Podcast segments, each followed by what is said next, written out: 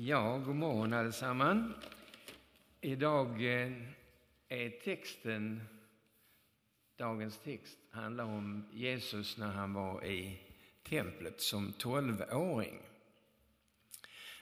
Och då fick jag en tanke här när jag förberedde hemma att jag skulle vilja plocka med en liten tavla som står där nere i hörnet som har hängt på väggen i mitt föräldrahem där jag växte upp. Och den hängde snett till, vänster, eller till höger om soffan i vardagsrummet. Över soffan hängde en stor tavla som min far hade målat föreställande min kära mor med ett fruktfat intill sig. Och sen till höger om min kära mor hängde den här lilla tavlan som föreställer då Jesus som tolvåring i templet. Mina föräldrar var inte aktivt troende, de var inte negativa till kyrkan. Men jag tror faktiskt att den tavlan har påverkat mig mer än jag kan liksom tänka riktigt alla gånger. Den här bilden, tanken på att Jesus var där i templet och hur man själv gick förbi den ålderskategorin där man var 8, 9, 10 och sen hamnade man på 12 och sen gick man ju vidare som tonåring. Så att eh, ni får gärna kika på den. Nu står den med fint ljusinfall där nere i hörnet. Så innan ni går ut och tar kaffe så titta på den och beundra den för den är, den är inte målad av min far, den är inte målad av mig utan det är en annan mycket duktig konstnär och den är inte till salu så att det är liksom inte lönt att lägga något bud på den. Utan bara låt dig välsignas av den bilden och färgerna. Vi läser nu den här texten ifrån Lukas 2, 42 till 52. Och det är alltså unikt med den här det här sammanhanget, för det finns inte på något annat ställe, utan det är Lukas, han som var läkare, han som var noggrann med att föra journal över vad han hörde och såg. Han har skrivit ner detta. Och då kan man ju naturligtvis fråga sig, var fick han nu den här informationen ifrån?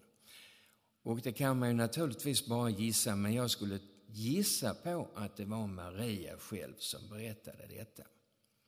Och det är klart som förälder som blir av med sitt barn och under fyra dagar blev det faktiskt sammanlagt inte hade kontakt med honom.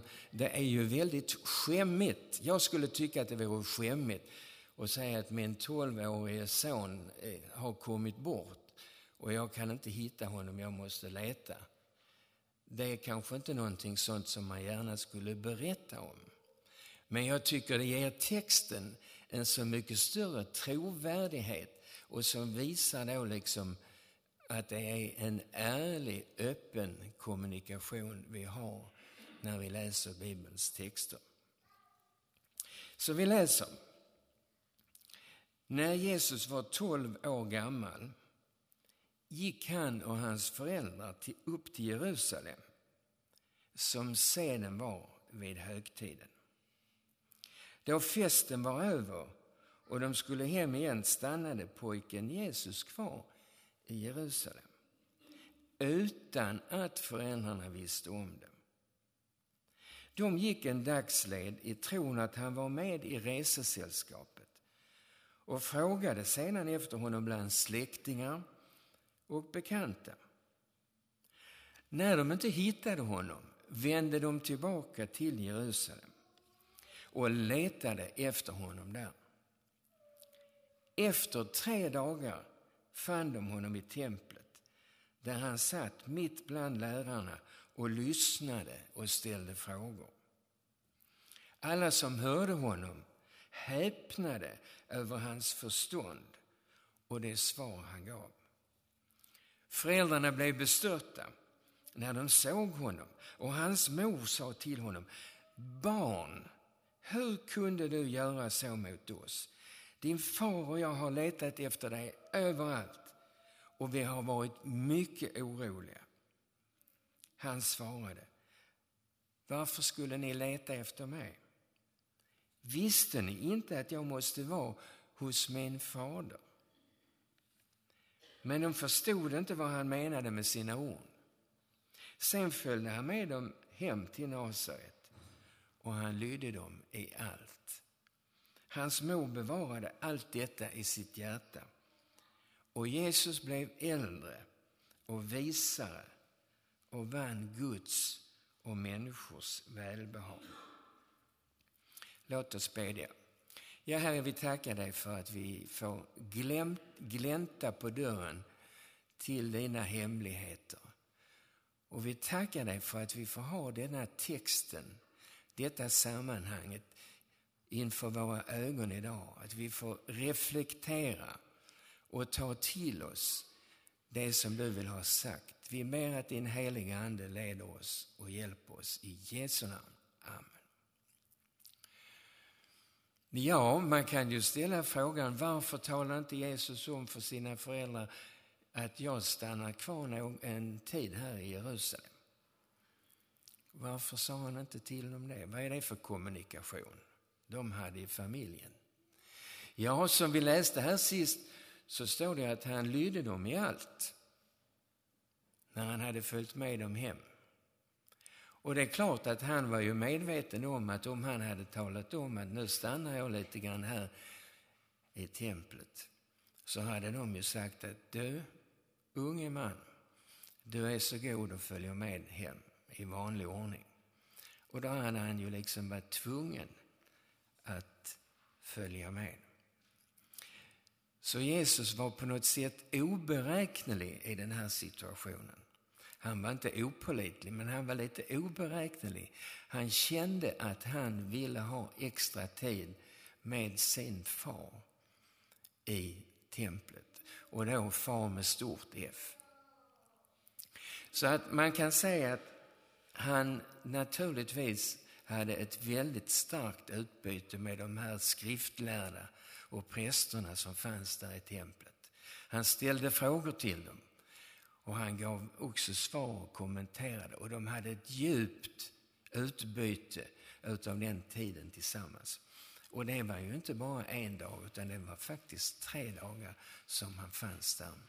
Och det kan man ju också säga att det är en förebild på hur Jesus dog och han uppstod på tredje dagen igen. Då när föräldrarna hittade honom i templet.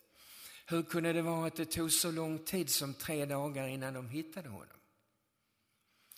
Ja, på den tiden fanns ju inte Missing People.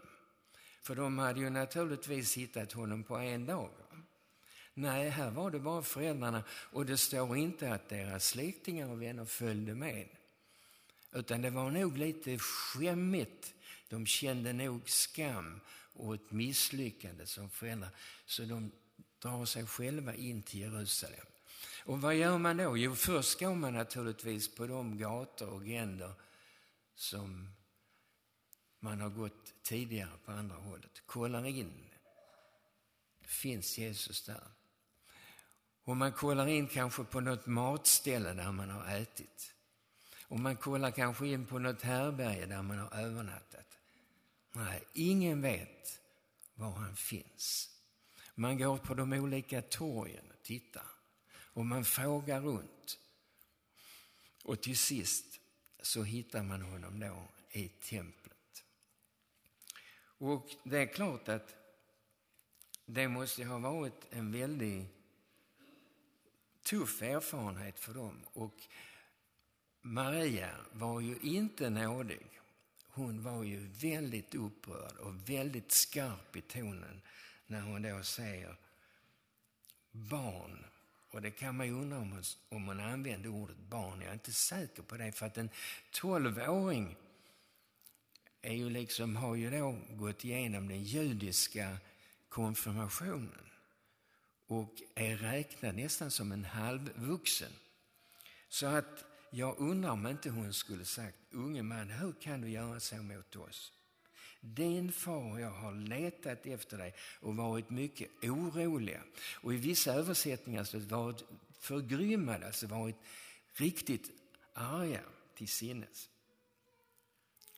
Så att eh, mamman där, eller modern Maria, hon är den som för ordet. Man kan undra varför, var, varför, varför säger inte Josef någonting då? Ja, han, han var väl som vi män ibland är, att man ligger liksom lite lågt och tar inte i på skarpen förrän det är absolut nödvändigt. Men Maria, hon tog till orda och uttryckte sin, sina känslor, sina innersta känslor. Sen får vi då se hur Jesus naturligtvis följde med dem hem till Nasaret.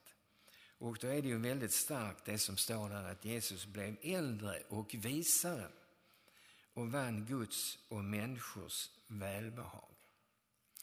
Så här har vi alltså förmånen av att få se Jesus på väg att gå in i sin viktiga roll som vuxen, som eh, världens frälsare och som den som skulle visa oss vägen till sin far.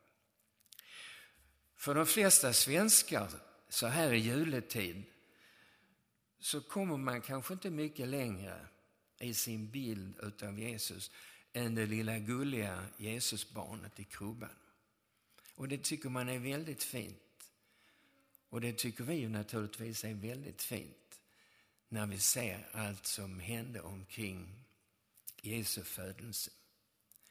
Men vi måste komma vidare. Vi måste se Jesus inte bara som det lilla barnet utan också som den här tolvåringen och sen framförallt som 30-åringen när han börjar sin tjänst, sin offentliga tjänst och predikar Guds ord och predikar frälsningens väg.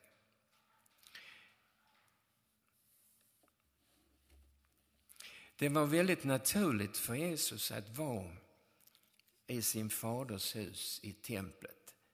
Och likaså var det naturligt för honom att vara i synagogan. Och så var det också för de första kristna att de var mycket tillsammans i synagogan där man alltså hade en större gemenskap. Men sen var ju också hemmen en väldigt viktig plats där man hade då, eh, kan man säga, en, en liten hemkyrka eller cellgrupper eller närgrupper eller ja, en närmare gemenskap där man kunde be för varandra och uppmuntra varandra. Vi ska stanna inför några tankar om vad är då kyrkan? Vad är Guds hus för oss? Och framförallt vad säger Bibeln? Det finns lite olika definitioner. Vi tänker ofta på kyrkan, då tänker vi på byggnaden. Och vi tänker kanske på de som jobbar i kyrkan, präster, pastorer och diakoner. Och vi tänker på gudstjänsten naturligtvis. Och vi tänker på samfund också, där det är många olika kyrkor som har en viss profil och som bildar ett samfund som nu Ekumeniakyrkan eller pingströrelsen eller den ortodoxa kyrkan eller den katolska kyrkan. Så ser vi på kyrkan som någonting kanske lite mer till det yttre. Men Bibeln säger så här att kyrkan det är Guds folk. Det är Guds folk. De som var skingrade tidigare, som inte hörde hemma någonstans, har kunnat samlas och bilda ett eget folk som finns över hela världen och som idag omfattar 1,8 miljarder människor. Och som är på stark frammarsch i de flesta länder i Asien, i Afrika. I Europa lite stagnation. I USA är det väldigt starkt. I Sydamerika väldigt starkt. Så att Guds folk, som första Petrus andra kapitlet, vers 9 och 10 säger, ni är ett utvalt släkte. Ni är kungar och präster, ett heligt folk. Guds eget folk som ska förkunna hans storverk. Han har kallat er från mörkret till sitt underbara ljus. Ni som förut inte var ett folk är nu Guds folk. Och då kan man ju tänka nu i dessa tider när vi har fått missionsfältet hit till vårt land. Vi behöver inte åka ut längre nu på långa resor utan vi har missionsfältet här i vårt land. Jag har haft förmånen några gånger att gå upp på SFI och hjälpa till med lite samtal med de här vännerna som kommer då från olika länder, flera från Syrien. Så jag har träffat människor som kommer från Damaskus. Och det är ju helt otroligt. Vi talade om hur Paulus mötte Jesus på vägen till Damaskus och sen helt plötsligt så får jag träffa en som heter, eh, eh, vad heter han nu, Hassan, ja, som kommer från, från Damaskus. Så helt plötsligt så flyttar världen hit och vi har världens chans att kunna kommunicera med människor som vi aldrig skulle kunna nå. För vi kan inte resa in i sådana länder som Syrien, Irak, Iran och predika evangeliet där. Men nu kommer de hit och jag tror att vi har en möjlighet att kunna få dem in, att bli delaktiga i att bli med i Guds folk, i Guds gemenskap. Och då det andra som Bibeln talar om, det är att vi är en familj. Vi som är i en kyrka, i gudstjänsten, i gemenskapen, vi är i en familjegemenskap. Och då säger Johannes 1 och 12, men åt alla dem som tog emot honom, Jesus Kristus, gav han rätten att bli Guds barn. Åt alla som tror på hans namn. Och det är naturligtvis den djupaste gemenskapen vi har som familj. Och det är många här i församlingen som har vittnat om detta att Tullbrokyrkan, det är min familj. Och jag behöver de här vännerna, jag behöver mina systrar och mina bröder. Och så tror jag vi känner att det är så viktigt att vi kan ha den här gemenskapen. Och att vi får vara alla åldrar. Vi var på bio igår och såg den här trevliga filmen om, om eh, Ove. Och eh, vem kommer att sätta sig vid sidan om oss? Jo, två stycken yngre medlemmar i församlingen. Markus och Lisa. Och jag bara kände, vilken förmån att i denna fullsatta, fullsatta biografsalong så kommer det två av våra syskon, våra yngre syskon i församlingen. Och man känner liksom att vi har den här åldersgemenskapen, äldre och yngre, att man, där är ingen skillnad. Och det är ingen skillnad när det gäller arbete och vad man sysslar med. Vi frågar inte hela tiden vad är det du jobbar med och vad har du jobbat med. Nej, vi accepterar varandra precis som vi är, rätt upp och ner. Och kan ha liksom en så fin gemenskap. Och vi kan be för varandra och stötta varandra och uppmuntra varandra på vägen. Och det är klart att är det också den tredje bilden av kyrkan och det är bilden av Kristi kropp. Och den är ju naturligtvis otroligt stark. Om man läser i första Korintierbrevet 12 så står det om de olika kroppsdelarna, hur vi behöver varandra. Och där Kristus är huvudet, alla behövs. Det finns inte någon kroppsdel som är liksom överflödig som man bara kan kapa bort. Ja, blindtarmen kanske. Men eh, annars så är alla delar behövda. Och vi säger inte så här, huvudet har ont.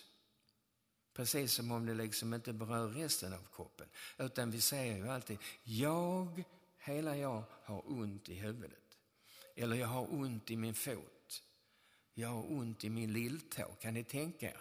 ont i lilltån och det påverkar hela kroppen. Och så är det i vår gemenskap i Kristi kropp så känner vi med varandra. Någon berättar om en förestående operation. Någon berättar om någon som är svårt sjuk.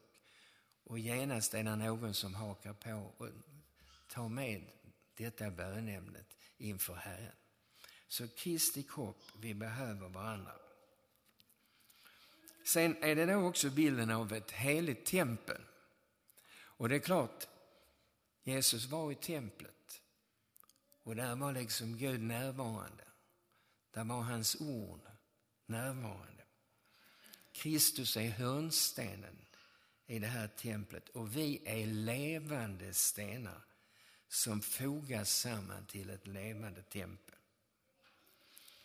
Och där är det också det här att vi behöver den stora gemenskapen och ibland behöver vi åka iväg på lite större sommarkonferenser eller vintermöten och känna att vi får träffa andra kristna. Vi har den ekumeniska helgen som kommer här nu på vårkanten. Och vilken glädje det är att få sjunga tillsammans och få höra orgeln i Falkenbergs kyrka brusa så att det skakar i grundvalarna. Det är viktigt, den stora gemenskapen, men sen också församlingsgemenskapen och gemenskapen i den lilla gruppen, i hemgruppen eller cellgruppen eller vad vi kallar den. Sen finns det också bilden av att vi är Kristi brud. Och då säger man ju inte så här att jag ska gifta mig. Precis som man kan liksom klara av det som en slags frilansvariant. Att nu ska jag gå och gifta mig med mig själv. Så långt har vi inte kommit från sanningen. Utan vi gifter oss tillsammans. Vi ska gifta oss. Va? Och där är ju också då att vi får vara liksom en brud, en brudgum, där Kristus är brudgummen och vi som kristna får vara hans brud. Det berättas om en man som hade bjudit hem några goda vänner. Och de satt framför eldstaden och det var många glödande kol på elden. Så tar den här mannen med en tång och lyfter ut ett av de glödande kolen och lägger det liksom vid sidan om. Och på en gång så liksom falnar glöden och det slocknar. Han tar kolbiten och lägger tillbaka den på glöden igen och genast så återtar det sin glödande skepnad. Och det är därför vi behöver församlingen. Vi behöver komma tillsammans för att hålla glöden vid liv. Så att vara en frilanskristen, som en del predikar idag, det håller liksom inte. Då är man en sån där glöd, ett glödande kol som bara slocknar. Vi behöver uppmuntra varandra och styrka varandra. Är det så här, om vi nu ska gå tillbaka till dagens text. Är det så här att vi ibland kan bli av med Jesus? Att vi kommer bort ifrån honom och att det blir ett avstånd. Kan det vara så att vi behöver inför det nya året gå tillbaka och söka efter honom? Kan det vara så att tron har blivit en form för oss, en formsak?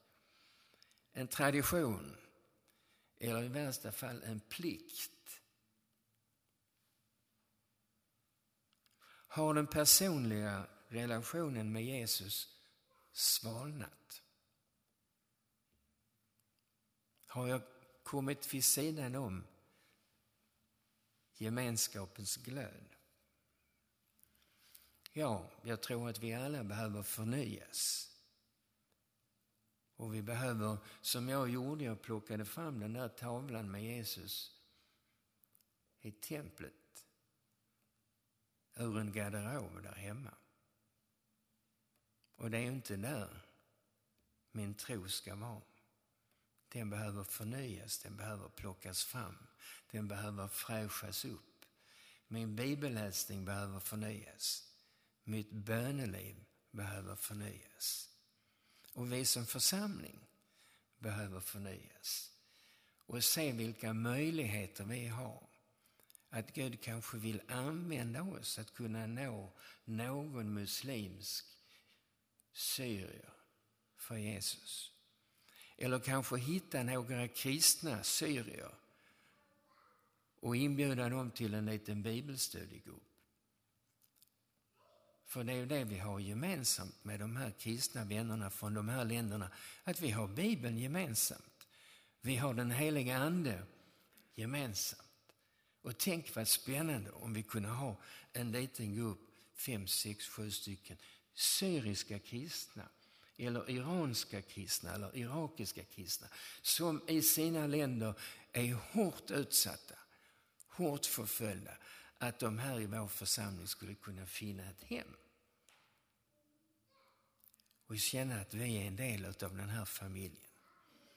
Låt oss be och låt oss söka tänka på vilka möjligheter har vi? Hur vill Gud använda oss i vår stad som nu har blivit ett missionsfält, om inte tidigare.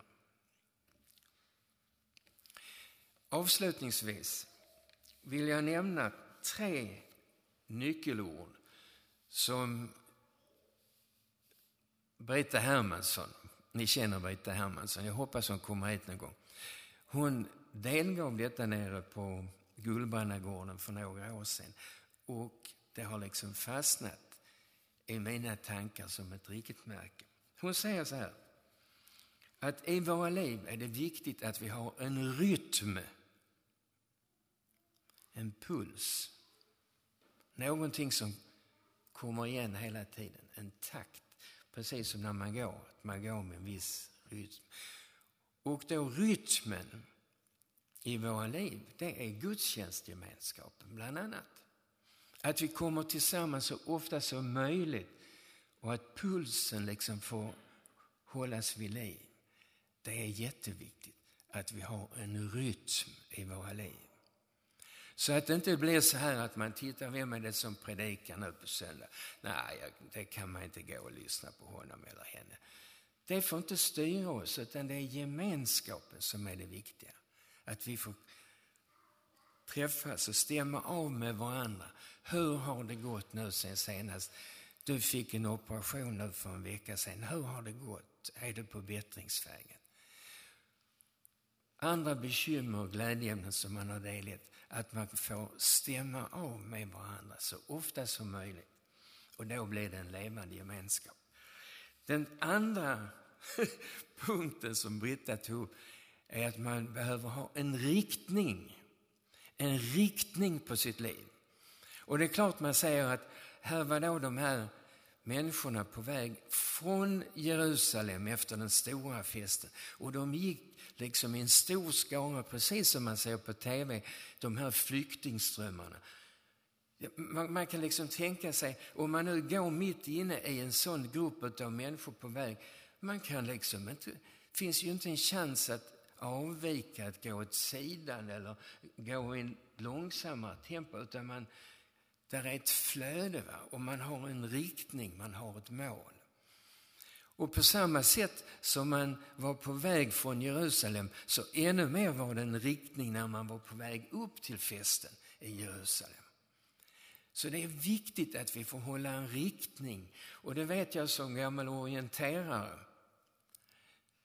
Tro det eller ej, men jag kan skryta med att jag är liten distriktsmästare i orientering för tonåringar nere i Skåne, nej, södra Skåne. Liten distriktsmästare. Tyvärr har jag inte kvar medaljen, men tänk om jag hade haft det, då kunde jag haft den med där nere också, och visat den som bevis. Men riktning, hur viktigt är det inte i orientering? Och med kompass och karta så hittar man genom snårig skog. Det tredje är ressällskap. Är det inte härligt? Va? Att vi är ett resesällskap här i församlingen. Vi reser tillsammans. Vi har samma riktning. Vi vill lära känna Jesus bättre det här året som kommer. Vi vill växa i vår tro, vi vill växa i vår kärlek till honom och till varandra. Och vi är ett ressällskap. Ibland kan man hamna på en gruppresa, sådär turistresa med ett ganska tråkigt resesällskap. Oftast är det väldigt trevligt och man lär känna varandra. Och så är församlingen ett resesällskap som är på väg Och det är inte bara liksom en en veckas resa utan det är en livsresa där vi får följa varandra år ut och år in. Där vi får följa de unga hur de växer till och blir större. Och där vi får liksom stötta varandra uppmuntra varandra.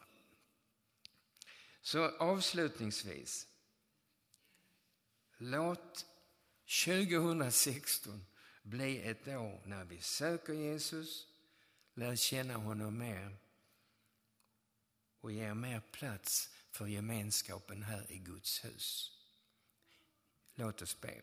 Herre, vi tackar dig för att du vill möta oss och att du vill förnya oss och att du vill hjälpa oss att växa till i kärlek och tro på dig. I Jesu namn. Amen.